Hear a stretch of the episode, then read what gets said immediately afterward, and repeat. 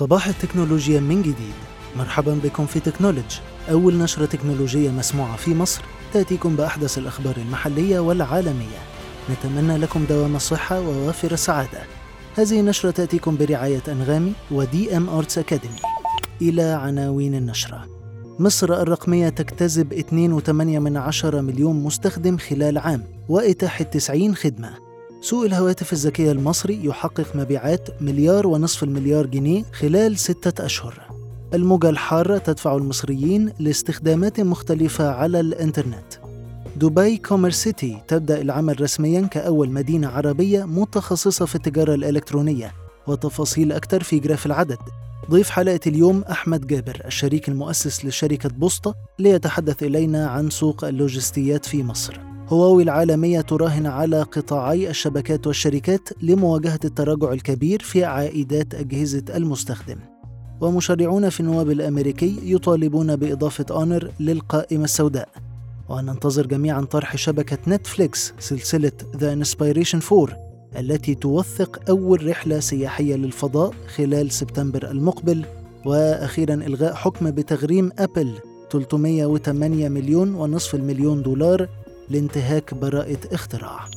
إلى تفاصيل النشرة وكشف الدكتور خالد العطار نائب وزير الاتصالات للتنمية الإدارية والتحول الرقمي والميكنة عن وصول أعداد المسجلين على منصة مصر الرقمية حتى الآن إلى 2.8 مليون مستخدم. وقال العطار في تصريحات لتكنولوج إن المنصة بتقدم حاليا حوالي 90 خدمة متنوعة وشهدت إجراء حوالي 6 مليون معاملة خلال الفترة الماضية. جمع سوق الهواتف الذكية في مصر إيرادات حوالي مليار ونصف المليار جنيه. خلال النصف الأول من عام 2021 الحالي واستحوذت سامسونج على 34.4% من السوق بقيمة 516 مليون جنيه ثم أوبو بقيمة مبيعات 369 مليون. مع تصاعد موجة الحر اللي بتشهدها مصر رصد محرك بحث جوجل ارتفاع في بحث المصريين عن الموجة الحارة خصوصا في محافظات الصعيد على أمل انتهاء هذه الموجة أو انكسارها وجاءت محافظات الفيوم وسوهاج والمنيا والبحر الأحمر كأكثر المناطق بحثا عن الموجة وموعد انكسارها. أعلنت سلطة المنطقة الحرة في مطار دبي عن البدء الرسمي لمدينة دبي كوميرس سيتي للتجارة الإلكترونية على مساحة 640 كيلومتر وباستثمارات أكثر من 870 مليون دولار. تكنولوج رصدت أهم المؤشرات عن المدينة في جراف العدد. ضيف حلقة اليوم أحمد جابر الشريك المؤسس في شركة بوسطة. بداية ما رأيك في سوق الشحن واللوجستيات في مصر خلال الفترة الحالية؟ سوق الشحن ممكن يتقسم لأكثر من حاجة الشحن التقليدي والشحن بتاع التجارة الجديدة أو التجارة الإلكترونية. على الشحن التقليدي أعتقد إن في شكل كده غير رسمي الناس متفقة عليه. عشان يوصلوا بيه. اللي هو أنا عندي منتجات في المخزن اكلم في تليفون يا محمد تعالى استلم مني شحنات وروح وصلها يروح يوصلها هو محمد متفقين مع بعض راحوا راح خلص حاجته لكن المشكلة إن لما التجارة الإلكترونية بدأت طريقة الشحن دي ما كانتش هتنفع. ليه؟ لأن التاجر اللي بيستخدم التكنولوجيا عاوز لما يوصل يستخدم التكنولوجيا كمان. وبالتالي آه، جت الحاجة دي. الحد اللي شغال بالطريقة القديمة ما عرفش إن هو ي cope. وبالتالي احتاجنا ك market نوع جديد أو نوع مختلف من الناس اللي بتفكر في حل المشكلة دي. ما هي الخدمات اللي بتعمل شركات الشحن الجديدة على حلها؟ الناس اللي بتعمل solutions بقى شبه بوسطة بقوا لازم يفكروا في إيه؟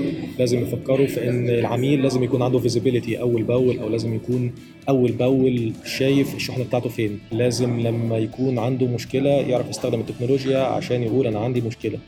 لازم لما يحب يتواصل بشكل أو بآخر مع العميل بتاعه أو مع شركة الشحن يعرف يستخدم تكنولوجيا عشان يعمل كده. لازم عملية الشحن نفسها تكون بتتم عن طريق تكنولوجيا. لو أنت بتعرف توصل order بالطريقة التقليديه مش هتعرف ممكن توصل 100 order ممكن توصل 1000 order بس مش هتعرف توصل 10000 50000 order في اليوم لأنك شغال كله manual لو أنت عاوز تسرع العملية وعاوز تخلي العملية بشكل منظم أكتر وتعرف ت scale العملية بتاعت التوصيل لازم تكون معتمد بشكل أو آخر على التكنولوجيا وهي دي الحاجة اللي الناس كلها رايحه لها. إيه هي توقعاتك لشكل السوق خلال الفترة المقبلة وإزاي السوق كبر متاثرا بجائحة كورونا؟ إزاي السوق بيكبر؟ بالذات طبعا في زي ما قلت من شوية في ال e-commerce الناس كلها زي أي مكان في العالم بتتحول للتجارة الإلكترونية. أي حد عاوز يشتري حاجة دلوقتي خلاص بيسهل على نفسه الموضوع وهو قاعد في البيت أنا عاوز أشتري فاشتريت أونلاين وعاوز الحاجات دي. فال market بيكبر جدا. مش متذكر رقم ال rate اللي ال market المصري بيكبر بيه ولكن لو إحنا هنقول إن عدد مستخدمين الإنترنت في مصر في خلال السنة اللي فاتت كان الرقم أعتقد أكثر من 30% من المستخدم المصري مستخدم انترنت لو أنا قلت بس إن 1% من ال 50% دول بيعمل e-commerce فده ممكن يكون indication لعدد المستخدمين اللي بيعملوا e-commerce في مصر.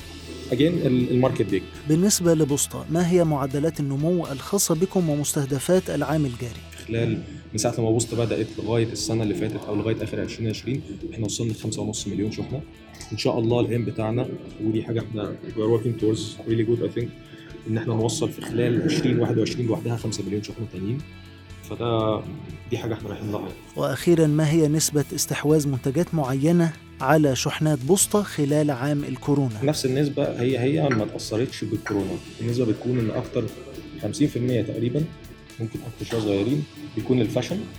معظم الناس بتشتري fashion. بعد كده بتلاقي إن في categories واخدة نفس ال share شبه ال cosmetics شبه ال electronics شبه الاكسسوارز الرفايع دي كلها بتاخد shares متساوية في ال market بعد بعد ال fashion نستأنف بقية النشرة وأعلنت هواوي عن نتائج عملها للنصف الأول من 2021 محققة إيرادات بلغت 49 مليار و62 من المية مليار دولار. وصرح إيريك شو رئيس مجلس الإدارة الدوري لشركة هواوي أنه على الرغم من تراجع إيرادات مجموعة أعمال هواوي consumer لأجهزة المستهلك نتيجة للعوامل الخارجية فإن الشركة بتثق أن مجموعة أعمال هواوي carrier لشبكات الاتصالات ومجموعة أعمال هواوي انتربرايز لقطاع المشاريع والمؤسسات ستواصلان النمو بشكل ثابت. طلبت مجموعة من 14 مشرع جمهوري في مجلس النواب الأمريكي يوم الجمعة من وزارة التجارة الأمريكية إضافة وحدة هواوي آنر إلى القائمة السوداء الاقتصادية للحكومة. يبدأ في سبتمبر المقبل عرض السلسلة الوثائقية The Inspiration 4 اللي بيوثق أول رحلة غير علمية للفضاء في الوقت نفسه اللي من المنتظر إن شركة سبيس إكس بتطلق في رحلتها اللي بتحمل نفس اسم الفيلم. ننتظر كلنا عرض الفيلم وكمان الرحلة اللي ممكن تغير في شكل السياحة الترفيهية خلال المستقبل القريب.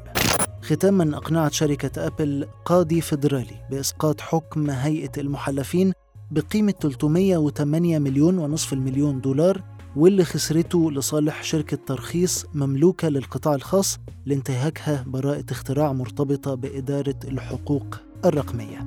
تجدون كل حلقاتنا السابقة على أنغامي لمزيد من الأخبار الحصرية محليا وعالميا. اطلعوا على نشرتنا وزوروا موقعنا technology.news